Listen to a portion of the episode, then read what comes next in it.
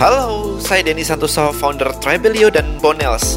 Welcome to my podcast Digital Marketing with Denny Santoso. Di podcast ini saya bahas mengenai beberapa strategi marketing yang dapat meningkatkan omset bisnis Anda hingga 10 kali lipat. Salah satunya dengan membuat database atau list building. Untuk belajar lebih mendalam, Anda bisa langsung ke listbuildingblackbook.com. Follow juga YouTube dan Instagram saya at Denny Santoso. Di sana saya juga berbagi ilmu mengenai digital marketing dan mindset setiap hari. Right, ayo kita mulai. Enjoy the podcast and see you inside.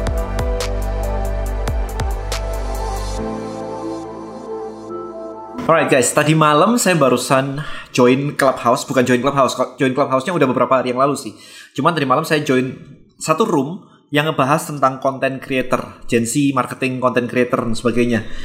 Dan banyak orang berusaha menjadi content creator dan membuat kayak schedule satu, kemudian gimana ya caranya bikin konten ya, gimana caranya untuk bikin konten yang relate ke audience dan sebagainya. So I wanna share with you guys di sini di YouTube ini untuk gimana sih workflow saya untuk creating konten.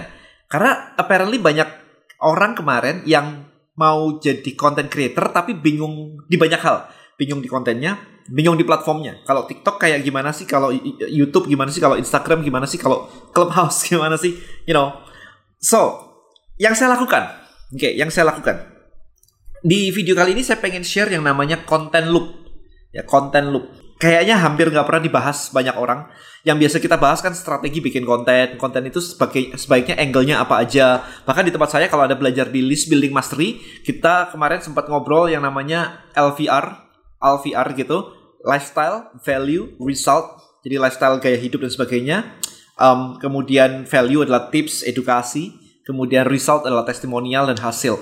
So itu strategi kontennya sendiri tapi nemuin idenya tuh gimana? Nah, saya pakai yang namanya content loop di sini. Ya, nggak ada, kayaknya nggak ada yang pernah ngobrolin deh atau berbagi eh, strategi ini deh, content loop. Oke, okay, so workflow saya dulu. Workflow saya dulu adalah selalu bikin video kayak begini. Karena saya suka banget yang namanya deep discussion. Jadi konten-konten yang dalam. Ya, biasanya follower saya cukup cukup smart untuk understanding kayak hal-hal yang saya bahas di YouTube saya. Saya pernah kedatangan saudara saya, sepupu, uncle, so on gitu ya, nanya ke saya, ini arti YouTube ini apa? Mereka bukan target market. Sorry guys, if you don't understand, Anda bukan target market. Ya, jadi memang pembahasan saya cukup deep. Maka saya rada-rada annoyed kalau saya posting kayak begini di TikTok. Komennya ah, cakadul banget, gak karuan banget dan kayaknya kayak lu gak nyampe banget sih mikirnya.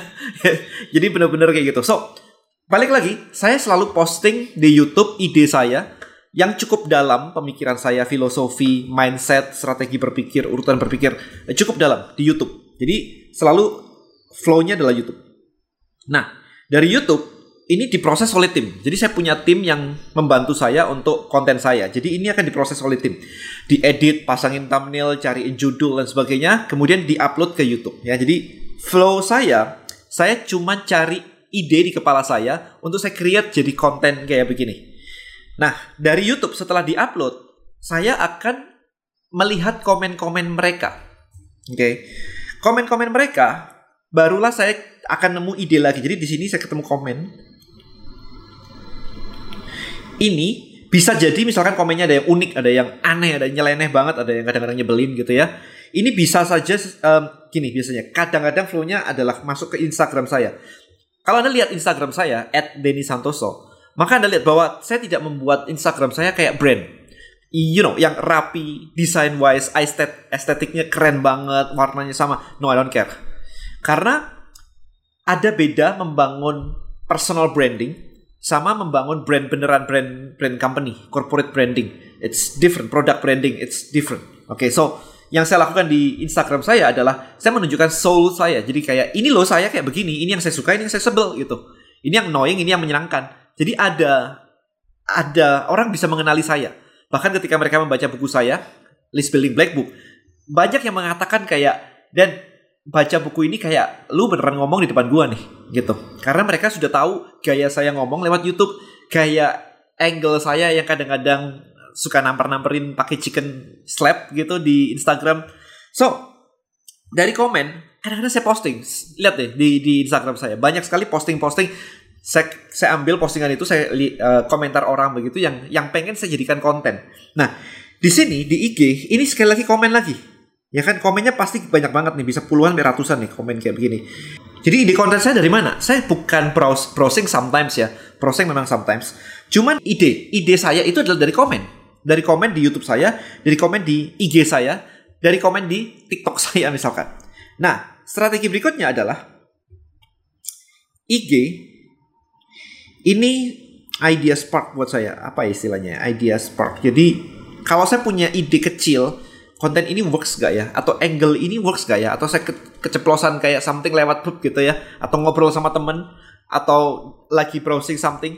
Ada something kayak quote, bukan quote ya. Saya jarang pasang quote sih sebenarnya sih. Karena buat saya quote itu tidak terlalu gimana-gimana. Nah, maka ini akan saya tes di IG dulu. Kalau di IG ternyata komennya bagus, maka ini juga bisa jadi ke sini. Dari konten IG itu bisa ke sini. Nah, saya selalu fokusnya di sini. Di YouTube. Ya, jadi dari IG-nya sendiri saya lempar kalau ternyata orang suka, maka konten topik itu akan saya bawa ke YouTube saya untuk dibahas lebih dalam lebih dalam lagi. Maka dari situ teman-teman uh, follower saya atau anda yang sudah biasa nontonin konten saya itu selalu tahu bahwa ketika saya punya sesuatu yang saya lemparin ke Instagram saya mereka selalu nanya kayak bikinin dong videonya bikinin dong videonya. Karena it's just an idea spark. Tidak tidak mudah dijelaskan dalam bentuk caption yang pendek mereka kadang-kadang terlalu apa ya kurang jelas gitu kan sehingga mereka minta pembahasan melalui YouTube ini yang bisa lebih dalam jadi ini loh loop ini yang yang perlu supaya apa Nah, kenapa pakai loop?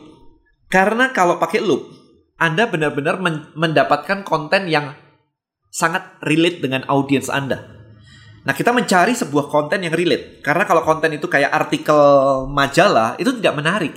Itu kayak membaca yang nggak ada soulnya. Itu benar-benar kayak boring banget baca majalah. Baca, baca majalah nggak terlalu emosional. Tapi kalau kita ngobrol sama orang, kayak di clubhouse gitu, kenapa addicted? Karena emosinya muncul semua kayak itu bener-bener social social network ya social kita as a human being gitu so kenapa dari komen ini powerful yaitu tadi karena kita jadi relate banget orang akan bilang kayak kok tahu banget sih saya lagi mikirin itu. Ya sekarang saya bacain komen satu-satu untuk create idea untuk YouTube saya. Jadi diputer.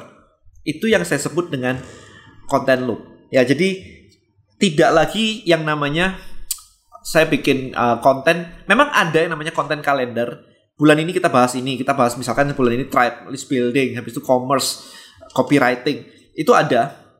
Tapi saya nggak mau ke sana.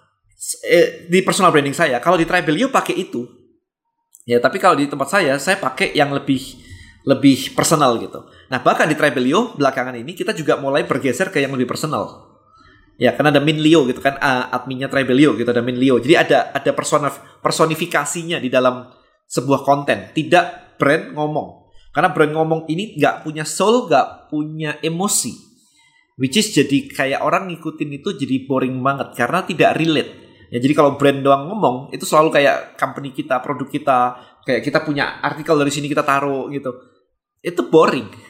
Yang dicari itu opini. Kalau ada artikel kayak begini, opini kita itu apa? Itu yang dicari sebenarnya. Itu baru kontennya akan akan lebih relate, akan lebih punya jiwa. Ya, jadi nggak ada masalah meskipun anda di belakang brand, ini tips for you guys, meskipun Anda di belakang sebuah brand, nggak ada masalah kalau Anda punya sebuah artikel di luar sana, ditulis kayak bentuk carousel atau apa pun, tapi imbue sebuah soul di dalam situ. Opini Anda apa sih sebenarnya di situ? Jadi eh, bedakan antara kayak Kompas, Detik, um, kumparan dan yang lain-lain yang benar-benar memang media begitu versus blog kayak Medium. Kalau anda tahu medium.com itu blog nah blog itu penuh dengan opini. Itu yang menjadikan lebih menarik daripada media. Media nyari berita yes bukan nyari opini kan nggak harus netral kan media kan idenya adalah harus netral gitu tidak boleh menggiring opini tapi kalau blog memang menggiring opini kan itu opini si penulis bukan untuk menjadi media yang netral memang gitu ya kan semua ini ya opini kayak gini semua ini berdasarkan sudut pandang konten creatornya, of course. Nah, maka kalau Anda berusaha menjadi content creator, membangun personal branding, tapi tidak punya opini atau tidak punya soul, orang tidak bisa mengenali Anda, maka nggak jadi-jadi. Yang, yang jadi adalah Anda capek sendiri bikin konten, tapi orang nggak pernah relate, nggak nyambung nyambung lah istilahnya gitu. Kayak nggak ada nggak ada responnya, nggak ada engagementnya. Kalau misalkan jualan pun ya nggak laku-laku, right? So itu aja video saya. Hopefully video ini memberikan anda wawasan ya konten loop ya jadi dipakai, diambil dari sana kemari, diputar sehingga relate ke audiens anda. Jadi tidak lagi kita cuma mengambil konten-konten itu dari luar sana kemari yang nggak ada hubungannya sama audiens Anda. Jadi benar-benar relate itu karena mereka ngomong begitu ya Anda pakai komen itu untuk jadi the next content.